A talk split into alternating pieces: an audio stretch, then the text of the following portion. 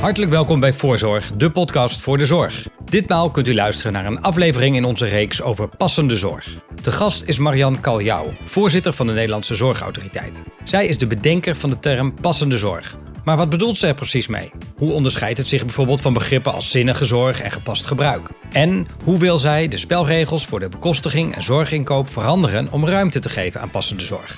Daarover praat ze met senior redacteur Bart Kiers.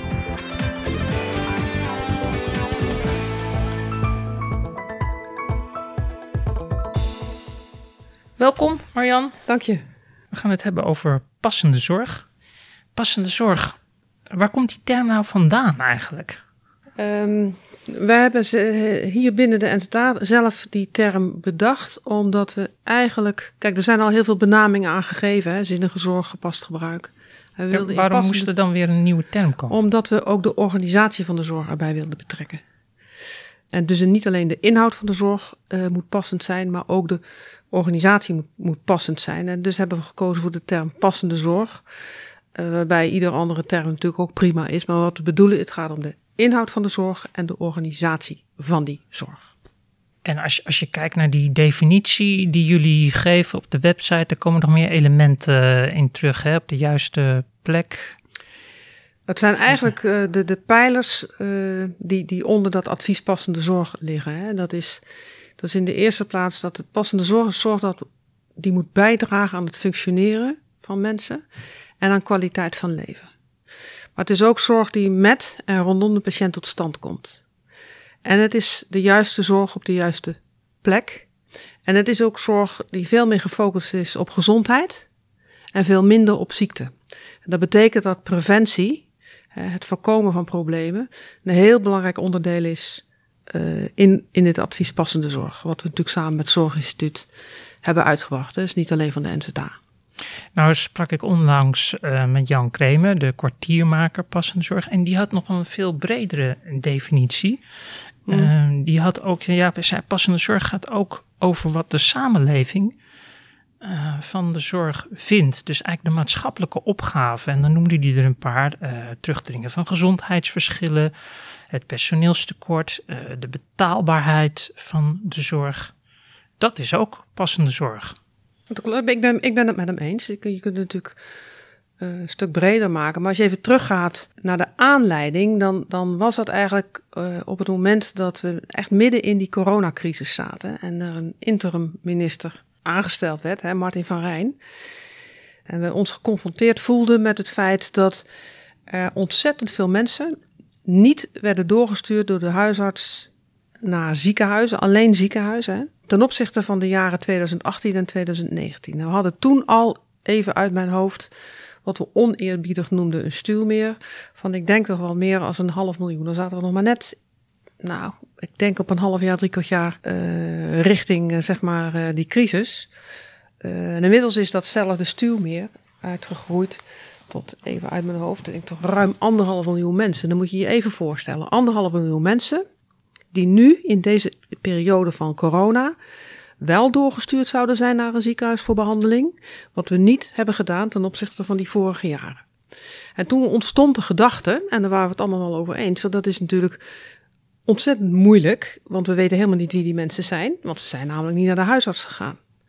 Maar we weten wel dat daar een groep tussen zit die echt gezondheidsschade hebben opgelopen, RIVM is dat aan het meten, weten we niet precies, maar ga daar maar vanuit. Hè? Oncologie, hart- en vaatziekten. Er zit natuurlijk een groep tussen die uh, best uitgesteld kan worden, wat niet leuk is. Hè? Mensen die pijn houden, hè, het, moeilijk hebben, maar je kunt het uitstellen. Uh, en er zit natuurlijk ook een groep tussen die ja, is gewoon overgegaan. Die zorg is, die vraag is verdwenen. En toen kwam de vraag van Martin van Rijn, en daardoor is het advies passende zorg ook gekomen. Is het nou mogelijk om eens te kijken, wat is er nou nodig uh, om die zorg toegankelijk en betaalbaar te houden op de lange termijn. Ook een beetje uitgaand van de prognose van het RIVM. Zeg maar, uh, nou, we geven in 2040 zo'n 176 miljard euro uit aan de zorg. Nou, dat betekent dat iedereen, hè, de generaties na ons, een groot deel van hun inkomen kwijt zijn aan de zorg. Dan los van het feit dat er niet eens personeel is wat er dan in zou kunnen werken. Dus er moet wel iets gebeuren. Dat was dus de aanleiding tot dat advies. En, en want je zegt dus eigenlijk van ja, de, toen in de coronacrisis, toen ging een deel, bij een deel van de mensen die niet in het ziekenhuis kwamen, ging het vanzelf over. Ja. En bedoel je nou te zeggen van als we kunnen identificeren wie dat zijn, dan weten we dus, uh, ja, dan kun je de zorg passend maken. Dat is gewoon niet meer, nooit meer onnodig naar het ziekenhuis gaan. Exact, dat is wat ik zeg. Dat, we denken ook, uh, maar het is wel belangrijk, je, maakt wel een hele belangrijke aanvulling. Je moet natuurlijk wel weten waar je het precies over hebt. Dat weten we niet goed. We weten, we hebben gezien bijvoorbeeld bij de failliete ziekenhuizen in Lelystad en in Amsterdam. Zagen we dat zo'n 45% van die populatie, van die, van, uit die ziekenhuizen, die hebben we nooit meer teruggezien. Niet in andere ziekenhuizen, uh, niet bij huisartsen, helemaal nergens. Uh, we weten niet precies wat daar gebeurd is. Dat zien we in die coronacrisis. Nog steeds niet? Nog steeds niet. Die mensen zijn echt gewoon van de radar verdwenen. Dat zien we in die coronacrisis, zien we dat, zien we dat ook. Maar ook daar weten we niet precies wat dat dan is en wie dat dan zijn. Eén ding weten we wel zeker. We staan niet voor een inhaalslag van meer dan anderhalf miljoen mensen. Maar waar we dan precies wel voor staan, ja, dat is heel erg de moeite ja. waard om dat uit te zoeken. Maar het steunt wel de redenering uh, dat het belangrijk is om goed na te denken welke zorg draagt nou bij aan het functioneren van mensen en kwaliteit van leven. En die andere drie pijlers. Maar dan ook vooral daarna te zeggen, als het niet bijdraagt, moet je het ook gewoon niet doen. Nee, daarom zei je op een congres, um, ik meen in het najaar, zei je van passende zorg betekent behandelreductie voor ja. iedereen. Wat bedoelde je daar precies nee, mee? Nee, dat heb ik zo niet gezegd. Ik heb gezegd dat passende zorg behandelreductie uh, betekent voor alle zorginstellingen. Dat heb ik gezegd. Nou, dat denk ik zeker. Voorbeeld. Stel nou eens voor dat we, uit, dat we afspreken dat uh, mensen met uh, meerdere chronische aandoeningen, dat we die zoveel mogelijk, uh, zo dicht mogelijk bij huis, dus met en rondom die patiënt, in netwerken thuis, digitaal gaan behandelen waar het kan en fysiek waar het moet. en je ziet hoe groot de percentages zijn van deze groepen mensen die nu nog behandeld worden in ziekenhuizen, dan verleg je eigenlijk de stroom patiënten die eerst in het ziekenhuis kwamen naar de thuissituatie of naar die netwerken. En dat betekent dus behandelreductie. Tenzij het weer opvult met wat anders. En dat is nou weer niet de bedoeling.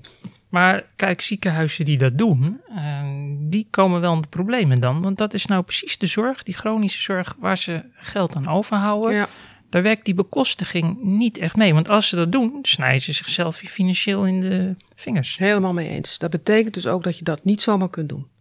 Je kunt dat niet uh, in een achternamiddag doen en je kunt het ook niet zonder voorwaarden doen. Dus dat betekent dat we de regulering aan moeten passen, dat we de bekostiging aan moeten passen, dat we de prikkels aan moeten passen en ook zorginstellingen in staat uh, moeten stellen om die verandering vorm te geven, zodat ze niet allemaal omvallen, want dat willen we niet. Nee, maar nou hoor ik best wel een tijdje, zo anderhalf jaar, twee jaar, geluiden van ja, we gaan de volumeprikkel uit het stelsel halen.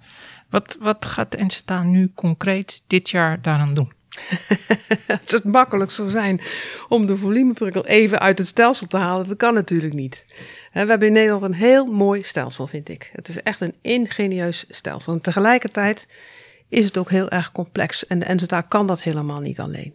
Dus dit zal altijd een samenwerking en een krachtenbundeling moeten zijn tussen de aanbieders, eh, tussen het Zorginstituut, eh, de NZA en de politiek. Eh, en dan heb je wel gelijk, dan is een van de, van de, van, van de onderwerpen die zeg maar genoteerd staan, dat is inderdaad die volumeprikkel. We moeten echt van die volumeprikkel af. daar zijn we dus over aan het nadenken en over in gesprek. Hoe gaan we dat dan doen? en wat komt daar dan voor in de plaats? Nou, dat zijn enorme vraagstukken. Dat gaat niet in een jaar. Dus nee, we gaan dit jaar niet die volumeprikkel afschaffen. Als dat zou kunnen zonder schade aan te richten, deden we het graag. Maar dat gaat niet. Dus dan gaan we, dat is een meerjarenplan en een samenwerkingsplan. En wat doet de NZA dan zelf concreet daarin? Op dit moment nadenken over uh, welke alternatieven voor, uh, voor bekostiging er zijn. He, dus je kunt denken aan tussenoplossingen zoals uh, bundle payment. Maar ik zou heel graag uh, de overstap maken naar uitkomsten. Integrale bekostiging en veel meer gericht op, op, op uitkomsten. Uitkomsten gericht op dat functioneren van mensen en kwaliteit van leven. Dat gaat er ook wel komen, maar dat gaat wel een paar jaar duren. Want uitkomstbekostiging, dat herinner ik me, dat stond ja, vijf, zes jaar geleden. Uh, riepen mensen dat ook al. Daar moet het naartoe. Daar, Schippers riep het al. Ja. Minister Schipper, oud-minister Schippers. En kennelijk is het zo moeilijk dat dat nu nog steeds niet. Waarom zou het dan over een paar jaar wel gelukt zijn? Ik denk dat de urgentie nu wel groter is. Hè? Die, die, die coronacrisis die heeft ons echt wel geleerd dat we toch wel veel te veel doen wat niet nodig is. En misschien ook nog wel te weinig van wat wel nodig is. Hè? Dus de zoektocht is wel richting van ja, hoe gaan we dat dan vormgeven? En uitkomsten is heel logisch geformuleerd en makkelijk gezegd, maar het is echt razend moeilijk. Want hoe meet je nou het functioneren van mensen in hun dagelijkse omgeving? Nou, dat zijn de vraagstukken die hier nu dagdagelijks op tafel liggen. Van hoe gaan we dit nou doen? En hoe gaan we dat samen doen? Uh, Sjaak Wijma, Zorginstituut, hij zal het ongetwijfeld gezegd hebben. Die zijn heel erg uh, ja, drukdoende om na te denken over zo'n normenkader, passende zorg. Overigens doen we dat voor een deel echt ook gezamenlijk. En ook Kramer zal er wat over gezegd hebben. Dat valt niet mee. Uh, en toch moet het er komen.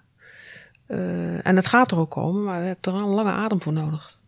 Uh, laten we even inzoomen op um, de vrijgevestigde specialisten in MSB's. Ja, hun verdienmodel is echt PMOQ. En binnen, binnen een ziekenhuis is het een eigen bedrijf. En in sommige ziekenhuizen gaat dat heel goed, worden de afspraken, maar in andere ziekenhuizen niet.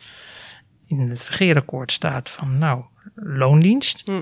Is het eigenlijk niet onvermijdelijk dat wil je passende zorg echt gaan doen dat de specialisten in loondienst moeten? Kijk, er zijn een aantal van die onderwerpen. Hè, en dit is er een. Dat zijn echt hele gevoelige en pijnlijke onderwerpen. En dat weet ook iedereen. Het is heel makkelijk om te zeggen van ja, uh, we lossen alles op door medisch specialisten of misschien wel andere vrijgevestigden in loondienst te dwingen. Ik denk dat het veel belangrijker is om na te denken van wat is er nou nodig om uh, zeg maar die regiobeelden te gaan maken. Hè, want dat is wat de NZA nu voor staat. Daar gaan we mee beginnen en zeg maar regionale samenwerkingsverbanden op te gaan zetten, zeg maar netwerken, die aan die vier pijlers gaan voldoen. Dan moet je ook die moeilijke onderwerpen gaan benoemen. En dan moet je ook na gaan denken van ja, welke uh, bekostiging hoort dat dan bij als het gaat om uh, zeg maar loonontwikkeling. Ook voor medisch specialisten en ook voor anderen. Uh, dat betekent dus dat we daar inderdaad over in gesprek gaan en zijn. En over na gaan denken welke vorm het beste het doel dient. En het doel is regionale samenwerkingsverbanden, die leiden tot de beste zorg voor de patiënt die dat nodig heeft. Wat moet ik me voorstellen bij een regionaal samenwerkingsverband? Um, de mooiste voorbeelden vind ik dat we toch wel gezien hebben, ook weer in coronatijd, um, toen het echt heel erg moeilijk werd, een beetje tegen die code zwart aanliepen in die ROAS samenwerkingsverbanden. Daar zagen we op een gegeven moment dat het niet meer ging over alleen maar acute zorg. Toen zagen we dat het ging over alle zorg in, in zo'n regio. En hoe we dat het beste vorm konden geven. En hoe we, hoe we het beste in staat waren om de meeste zorg toch nog te blijven leveren. Echt uit alle hoeken en gaten. Dat zijn mooie samenwerkingsverbanden. En wat is in zo'n samenwerkingsverband de rol nog van een zorgverzekeraar als zorginkoper? Om te zorgen dat die, uh, kijk, zo'n zorgverzekeraar die moet natuurlijk aan de zorgplicht voldoen. En dat is in een crisissituatie zoals we die net al gedrukt hebben, best een ingewikkelde zaak. Dus wat zij gedaan hebben is uh, A, zorgen dat uh, extra kosten die gemaakt werden, want die werden gemaakt, uh, dat die vergoed werden. Waardoor instellingen echt allemaal, hè, langdurige zorg, uh, noem ze allemaal maar op, verder konden. Maar ook die hebben natuurlijk ook een zorgbemiddelingsfunctie. Uh, daar hebben ze natuurlijk ook veel werk van gemaakt. Maar hun, hun oorspronkelijke rol, de beste kwalitatieve zorg tegen de beste prijs inkopen, blijft die intact? Dat denk ik zeker. Ik denk alleen, kijk, als je kijkt naar het advies passende zorg, dan heb je het over een hele grote transitie. En je zegt het al, hè, Kramer heeft het ook over maatschappelijke uh, veranderingen die plaats gaan vinden. En dat is ook zo. Uh, zorginstellingen krijgen andere rollen, andere posities. Dat geldt ook voor de NZA, dat geldt ook voor het Zorginstituut en dat geldt ook voor zorgverzekeraars. Um, nu, hoor je, nu zijn er een aantal uh, zorgaanbieders die ook met zinnige zorg al heel ver waren. Hè? Uh, Bernhoven, ja. Rivas, die zeggen van ja, die congruentie tussen zorgverzekeraars, die is er niet. Alleen de marktleiders doen mee en de niet-marktleiders die doen niet mee. En dat is ingewikkeld. Mm. Kan de, en de NZA is eigenlijk de partij die daarop kan toezien. Ja. He, passende zorginkoop is inkopen bij zorgaanbieders die werken volgens die principes. in de realiteit is het zo dat dan een kleine groep verzekeraars, als ze geen marktleider zijn, toch gewoon heel erg op de prijzen drukken. Gaat de NZA daar iets aan doen? Nou, daar zijn we al iets aan het doen. Kijk, als we die passende zorg tot een, tot een succes willen maken, en dat gaan we doen, dan zullen we toch allemaal eh, daar ons steen aan moeten bijdragen. Allemaal, ook zorgverzekeraars. Dat betekent dat je echt moet durven praten over langjarige, meerjarige contracten. Dat moet je gewoon durven doen. Dan moet je afscheid durven nemen van PMLQ. Maar gaan kijken van nou, wat is de zorg die nodig is in een bepaald gebied, een bepaalde regio. Hoe gaan we die vormgeven, maar ook hoe gaan we die inkopen. Het kan dan ook niet meer zo zijn. Hè? Dan, dan, dan moet je na gaan denken van, uh, kunnen we dat bijvoorbeeld doen op, uh, op de manier van volgbeleid? Hè? Want ik, ik, herken dat wel. Als je natuurlijk vier, uh, met, met vier verzekeraars een contract af moet sluiten en alle vier volgens een andere route, dat is natuurlijk uitermate ingewikkeld en complex. Dat past niet bij passende zorg. Dat past ook passende inkoop bij. Mm. En dat moet, daar, daar, moeten we ook werk van maken. Ja, dat was laatst de Rivas-bestuurder die zei uh, laatst van... ja, weet je, als je met de twee grootste uh, afspraken maakt... moeten de anderen gewoon volgen. Ja. Dat is ook wat je nu zegt. Ja, daar zou ik goed in mee kunnen gaan, zeker. Oké, okay. maar NZA heeft het in de hand, hè? Dit is echt NZA. Nee, kunnen, nee, nee, nee, zo is het niet. Hè? De NZA kan veel, maar de NZA kan natuurlijk niet, mag niet treden in het proces van uh, inkoop en verkoop van zorg. Dat mag niet. We zullen dus op het gebied van die passende zorg met elkaar in gesprek moeten gaan van nou, hoe gaan we dit nou doen samen? En wat betekent dat voor elkaars rol en bevoegdheid en verantwoordelijkheid?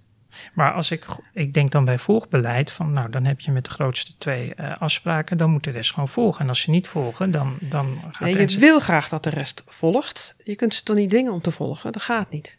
Ja, maar dan gaat het, gaat het dan echt vliegen? Als er niet ergens een soort van doorzettingsmacht zit van... Uh, ja, jongens, uh, de vrijblijvendheid moet er nu ook voor verzekeraars wel, wel, wel vanaf ja, zijn. Ja, dat vind ik ook wel een mooie insteek. Ja, daar heb je, daar, dat is wel een punt waar wij ook uh, over aan het nadenken zijn. Dat geldt ook voor het Zorginstituut en dat geldt ook voor VWS. Op een gegeven moment moet je stellen dat wat je nu niet kan... soms wel nodig is om inderdaad een paar meters te maken.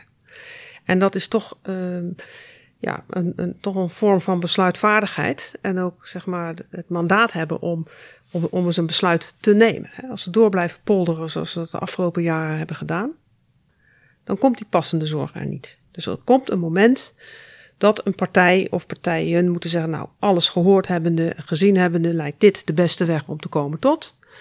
Dan moet er ook eens iemand zijn die dat besluit kan nemen. Daar moet wel voor geregeld worden, want dat is nu niet. En bij wie zou die doorzettingsmacht, noem ik het maar, uh, moeten liggen? Ja, daar heb ik niet echt, uh, om, nou te zeggen van god, dat heb ik nou kant-en-klaar, uh, dat moet nou per se zo. NZA? Ik, ja, daar loop ik niet voor weg. Dus ik zou het helemaal niet gek vinden als dat voor een deel op het bord bij de NZA zou komen en bij het Zorginstituut omdat als je dat in de, bij, de, bij de politiek belegt, dan, dan is de continuïteit zeg maar, van de besluitvorming en beleid uh, altijd wat grilliger en wat, wat kortdurender. En, dus niet de minister. Maar die zit toch ook een beetje in het politieke hè, veld met het parlement, waar die toch geregeld moet opdraven. Ja. Ja, ik vind dat toch uh, te kortcyclisch. Ik zou dat toch uh, de voorkeur hebben om dat te beleggen bij een partij die onafhankelijk is, die ook politiek partij onafhankelijk is en uh, nou ja, misschien ook wel een partij die eigenlijk de enige marktmeester is in dit land en dat is de NZA. Mm -hmm. Daarmee zeg ik niet dat je top-down er uh, zeg maar veranderingen door moet drukken. Integendeel. Uh, Bottom-up werkt het beste, uh, maar tot een bepaalde hoogte. Op een gegeven moment moet je een keer zeggen, nou, nou is mooi geweest. Dit vinden we met z'n allen, of in ieder geval het grootste gedeelte vindt dit zo. Nou gaan we het ook zo doen en dan geven we er een klap op bij het Zorginstituut, Zorginstituut natuurlijk ook een belangrijke rol heeft, omdat die over het verzekerde pakket gaat. Die maken op dit moment ook niet voor niks een kader passende zorg. Dat gaat ons gewoon helpen. Mm -hmm. Dus als we afspreken dat er een kader passende zorg is, waarvan we met z'n allen zeggen dat zijn we het mee eens, hè, dan, dan heb je dat al in het register staan en nou, daarmee is het al juridisch bindend, dan ben je al een heel eind. Als wij daarvoor de zeg maar, regulering en de bekostiging en het toezicht ontwerpen, wat daaraan bijdraagt, dan heb je al een hele mooie tweede stap. als de inspectie uh, gezondheidszorg en jeugd zegt: wij houden op die kwaliteit en op die uitkomsten, dat functioneren enzovoort enzovoort, uh, toezicht, dan heb je al een volgende stap. En dan denk ik dat je er al bijna bent. Tot slot de zorgverzekeraars, daarvan verwachten we dan, en dan speelt de NZA wel een belangrijke rol, dat zij inkopen wat passende zorg is en niet meer wat niet passende zorg is. Dan zou je moeten durven zeggen: doe je dat toch prima, maar dan betalen we het niet meer even terug naar de koplopers. Ja. Bernhoven. Met, ja. met name Bernhoven. Oké. Is in financiële problemen. Mhm. Ehm, de perceptie van veel andere ziekenhuizen is van: oh, als je dat traject ingaat van zinnige zorg, dan kom je in financiële problemen. Dat kunnen we beter niet uh, doen. Ja. Ja, nou zeggen andere mensen die er nou bij betrokken zijn van ja, dat heeft helemaal niks te maken met zinnige zorg. Maar er zit toch iets in van uh, dat een zorgverzekeraar na verloop van tijd gaat zeggen van en nou moeten die zorgkosten, hè, daar moet je wat aan gaan uh, doen. Dit stimuleert niet, nee. merken wij. Ja, nee, ik, ik herken dat wel. Ik, ik, ik, merk dat ook. Maar ik vind, wel, ik vind het wel een mooi voorbeeld. Want kijk, misschien heeft het wel wat te maken met zinnige zorg, maar niet met passende zorg. Want zo begon ik ook het verhaal. Passende zorg is niet alleen de inhoud van de zorg, is ook de organisatie van de zorg. Er gaan twee dingen, um, zijn best wel ingewikkeld bij Bernhoven. Hè. Bernhoven heeft, vind ik, toch uh, moedig een aantal zaken gedaan uh, waarvan we zeggen, die, die, zou, die dragen echt wel bij aan passende zorg. Wat er niet gebeurd is. Maar wat, wat hebben ze gedaan? Zij, zijn, ze hebben volgens mij een soort een, een behandelreductie van, dacht ik uit mijn hoofd, iets van 13, 14 procent gerealiseerd voor die ingrepen. Waarvan ze zeiden, die dragen niet meer bij aan het functioneren van mensen. Het was gewoon zorg die niet nodig was. In detail weet ik natuurlijk helemaal niet, maar dat was wel de insteek. En dat vind ik best moedig. Dat vind ik moedig omdat ze dat alleen deden dus niet in een samenhangend netwerk in die regio, maar alleen als ziekenhuis. En daar zit het eerste risico al. En het tweede risico is, is als je bedrijfsvoering daar niet op wordt aangepast, ja, dan is het geen passende zorg meer. Dan, ben je, dan heb je gewoon de weg naar de uitgang vrij snel gevonden, want je kosten worden alleen maar hoger. Er is ook afgesproken van, nou, je hebt je natuurlijk een termijn nodig om je organisatie zo aan te passen aan de nieuwe situatie. En als je dat niet doet, ja, dan is het eind van het liedje natuurlijk. Uh, dat je geweldig in de financiële problemen komt. En dat is ook gebeurd.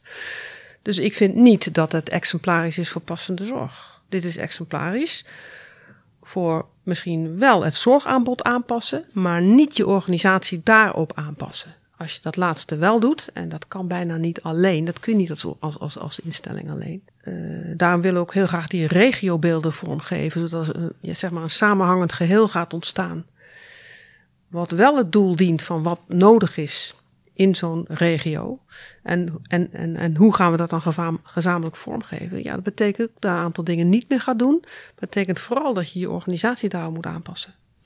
Dan even naar dat andere voorbeeld, Rivas. Want die komt niet in de fi fi financiële problemen. Hè? Die staat er. Nou ja. Maar die lopen tegen een ander ding aan. Want wat, wat de bestuurder daar heel graag wil, is domeinoverstijgende ja overstijgend inkopen. Want nu, nu hè, gaan patiënten vanuit het ziekenhuis sneller naar, de, naar huis toe. Maken ze extra kosten in de wijkverpleging. Mhm. Andere afdeling van de zorgverzekeraar stuurt heel erg op kosten daar, vergt eindeloze gesprekken om daar, om daar uit te komen. Wat zij nu willen is gewoon met alle verzekeraars domeinoverstijgend. En hij roept ook eigenlijk de NZA op van jongens, we gaan, laten we daar een pilot doen. Gaan, jullie, gaan jullie dat doen? Volgens mij zijn we bezig uh, met de ontwikkeling van een domeinoverstijgende prestatie. Dus op dat moment, als dat ding er is, dan kun je via die weg uh, de zorg gaan inkopen. Maar ik vind het ook een tussenoplossing, want ik ben het zeer met ze eens. Ik vind echt, en dan ga, blijf ik toch terugkomen op wat ik steeds zeg. Hè, op het moment dat je regionaal die samenwerking aangaat, inclusief het sociaal domein, daar zullen zij ook tegenaan lopen. Dan moet je durven nadenken. Als dit dan het aanbod is wat nodig is, wat bijdraagt, enzovoort, enzovoort, enzovoort. Dan moet je ook na gaan denken van hoe gaan we dat dan bekostigen. Uh, en dat is wat mij betreft echt een integrale bekostiging, waarbij dan die domeinoverstijgende prestatie uh, best al op de korte termijn een hulpmiddel kan zijn. Maar ik zou wel de komende jaren door willen ontwikkelen tot zeg maar een integraal verhaal. Uh, wat best nog ingewikkeld wordt, hè? want dan is het dus niet meer P maal Q en dan is het ook niet meer uh, uurtje, factuurtje of uh, individuele bekostiging, maar dan kijk je naar groepen en naar uitkomsten, dat zijn nog wel een paar hersenkrakers. Maar, maar komt er nou een pilot in, bij Rivas? Of en op andere plekken? Dat in- zou ik op dit moment echt niet weten. Ik sluit het zeker niet uit. En Als ze dat graag willen, zeker met die domeinoverstijgende prestatie, dan, eh, dan zou dat zomaar eh, kunnen, ja. Ehm, nou zei Jan Kramer, die zei ook van ja, wil dit echt gaan vliegen, dan moet het in de harten en in de zielen van de zorgverleners komen. Ja, De perceptie is bij een deel in ieder geval van eh, dat het toch ook een soort verkapte bezuinigingsoperatie is. Hoe, hoe, krijg, hoe gaat de NZA daar, daaraan een bijdrage nou, het is absoluut eh, geen bezuinigingsoperatie. Het is veel meer een, eh, een toegankelijkheidsoperatie. Eh, het allerbelangrijkste vind ik hier eigenlijk de toegankelijkheid.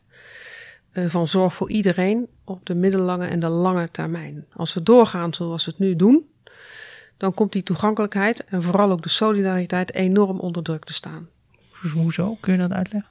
Omdat ehm, als je kijkt naar de voorspellingen van het RIVM, hè, zeg maar die 176 miljard in 2040. En ik denk, hè, dat was nog een voorspelling voordat corona eh, uitbrak, dat het nog wel eens hoger op zou kunnen lopen. Ehm, dan komt de solidariteit onder druk te staan. Hè? Want eh, u en ik eh, zullen dan misschien nog wel keuzes kunnen maken en een aantal zaken wel voor elkaar krijgen. Maar een aantal, een grote groep mensen kan dat dan niet meer. Dan moet je zo verschrikkelijk veel bij gaan dragen. Dat kunnen mensen niet. En solidariteit is nou eenmaal het grootste goed wat wij hebben in onze gezondheidszorg. Hè? Rijke mensen die voor arme mensen betalen en gezonde mensen die voor zieke mensen betalen. Dus die toegankelijkheid is een veel grotere eh, zorg. En daarbij komt natuurlijk de arbeidsmarkt. We weten allemaal dat die arbeidsmarkt geweldig onder druk staat. Het zal nog veel slechter worden en dat zal ook nog een x aantal jaren duren. Dus het wordt schaars. Het wordt schaars, minder toegankelijk en solidariteit komt onder druk bij ongewijzigd beleid. Nou, u weet, ik kom zelf uit de zorg. Ik kan bijna, ik zou niet zo gauw een professional kunnen bedenken bij wie het niet in hart en nieren en in de ziel zit om de zorg te geven die nodig is. Niemand over willen slaan en ook niemand uit willen sluiten. Dus we hebben er allemaal een lief ding voor over om die zorg te kunnen blijven geven die we zo graag willen geven. En iedere burger het gevoel te laten hebben dat hij de zorg kan krijgen als hij die echt nodig heeft. Dat is een gevoel van veiligheid waar we met z'n allen voor staan. Dat veranderen soms pijnlijk is en dat zeker met passende zorg er ook pijnlijke keuzes gemaakt moeten worden, dat is evident. Maar als we samen de schouders eronder zetten voor het algemene doel, dan ben ik daar eh, redelijk positief over. Welke pijnlijke keuzes doel je dan op? Nou, bijvoorbeeld het verleggen van patiëntenstromen, eh, die toch maken dat, eh, dat bijvoorbeeld zorginstellingen misschien toch een, ja, een iets ander portfolio gaan krijgen dan dat ze gewend waren.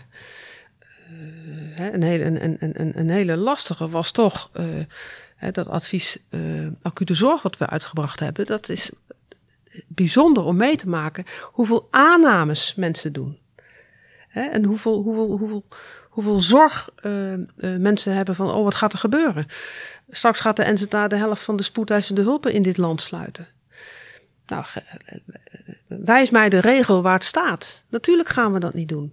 Wat we wel gaan doen, is kijken wat is er nodig om die spoedeisende hulp voor iedereen toegankelijk, te houden op de middellange en lange termijn. Wat is daarvoor nodig? Hoe, hoe zullen we dat samen vorm gaan geven? Dat is de discussie.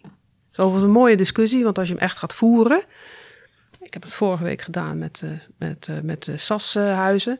Mooie discussie en daar is iedereen het ook gewoon over eens. Als we het maar samen vorm kunnen geven. Maar zodra het aan het mm, voortbestaan van de instelling gaat, dan raak je wel was. Dan, dan raak je wel wat. Zie jij zeg maar het eigen belang wat zorginstellingen in dat opzicht hebben ook als het belangrijkste obstakel eigenlijk? Ehm, ja, er zijn, er, zijn, er zijn meerdere obstakels. Hè? Maar kijk, natuurlijk eigenbelang, eh, organisatiebelang, eh, individueel belang. eh, dat, dat, dat is er allemaal. Maar dat is ook niet zo gek. Als je kijkt hoe we het georganiseerd hebben. Hè, als je betaalt om productie te draaien. Dan is het heel gek als er geen productie gedraaid zal worden. Dat doet iedereen. Dat doet de bakker ook.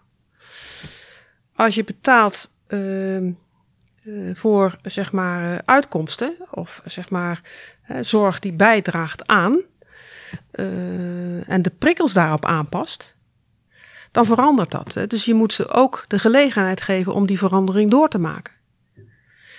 Uh, er wordt te makkelijk en te snel gevreesd voor het voortbestaan. Het gaat niet om het voortbestaan, het gaat om de verandering van het portfolio, in de meeste gevallen, wat beter bijdraagt aan wat er op dat moment nodig is. Als wij heel graag willen dat alle zorg zoveel mogelijk met en rondom patiënten tot stand komt in netwerken, dan zullen we daar flink op moeten investeren. Dat is nu gewoon niet goed genoeg.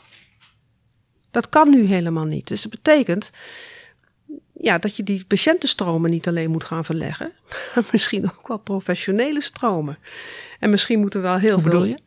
Nou, dat, dat, dat, dat, dat, dat zorgprofessionals die nu in instelling, in, institutioneel in instellingen werken, misschien ook wel buiten die instellingen uh, uh, moeten gaan werken. Kun je een voorbeeld noemen? Nou ja, Amsterdam Noord hebben wij een mooi voorbeeld. Hè. Daar zien we al dat ook medisch specialisten uh, buiten de deuren van het boven ziekenhuis ook huisartsenposten en, en, en praktijken komen versterken.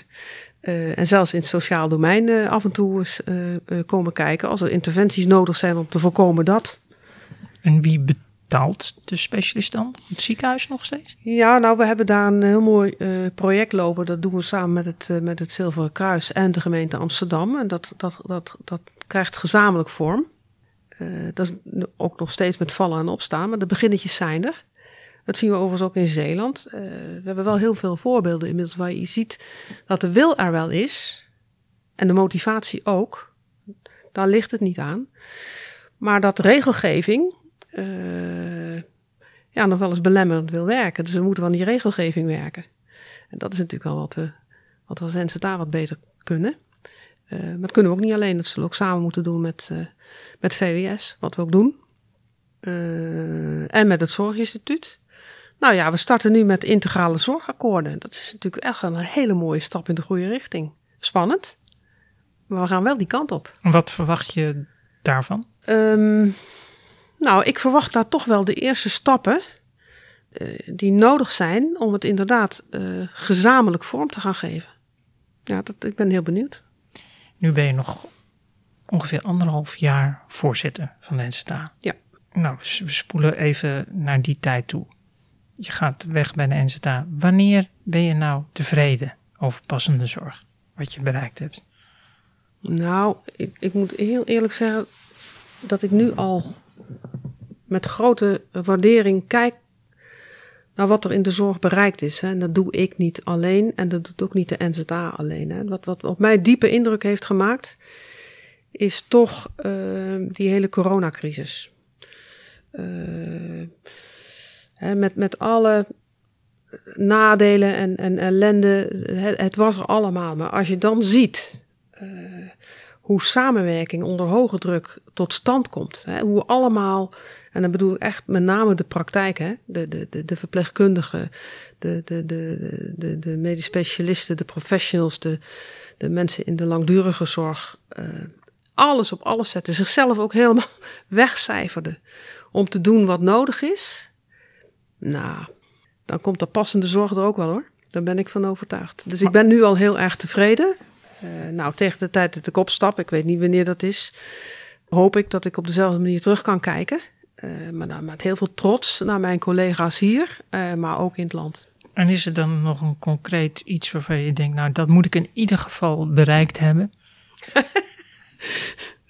Ik heb helemaal niet nagedacht over die vraag. Dus die moet ik nu, moet het antwoord nu nog gaan zitten bedenken. Uh, wat, wat, ik heel erg graag uh, zou willen, is dat we, dat, we, dat we dan een paar hele mooie voorbeelden kunnen geven van zie je wel, het werkt en het, en het, en het kan. En dat we bij als, in ieder geval als NZA een aantal van die prikkels al uh, omgezet kunnen hebben tot iets wat stimuleert uh, en wat het mogelijk maakt om die samenwerking uh, tot en met het sociaal domein, en dan vooral ook die preventie, om die nog beter te faciliteren dan, dan dat we nu doen. Dat kan echt een heel stuk beter. Dus ik hoop dat we dan daar meters in hebben gemaakt. Dat zou ik mooi vinden. Dus het is niet zo dat er dan al een uitkomstbekostiging is? Nee, dat kan niet. Ik, ik, denk, als je naar de transitie van de omvang kijkt, waar wij het nu over hebben, dan praten we over 10, 15 jaar. Dit is echt heel groot. Dankjewel. Graag gedaan.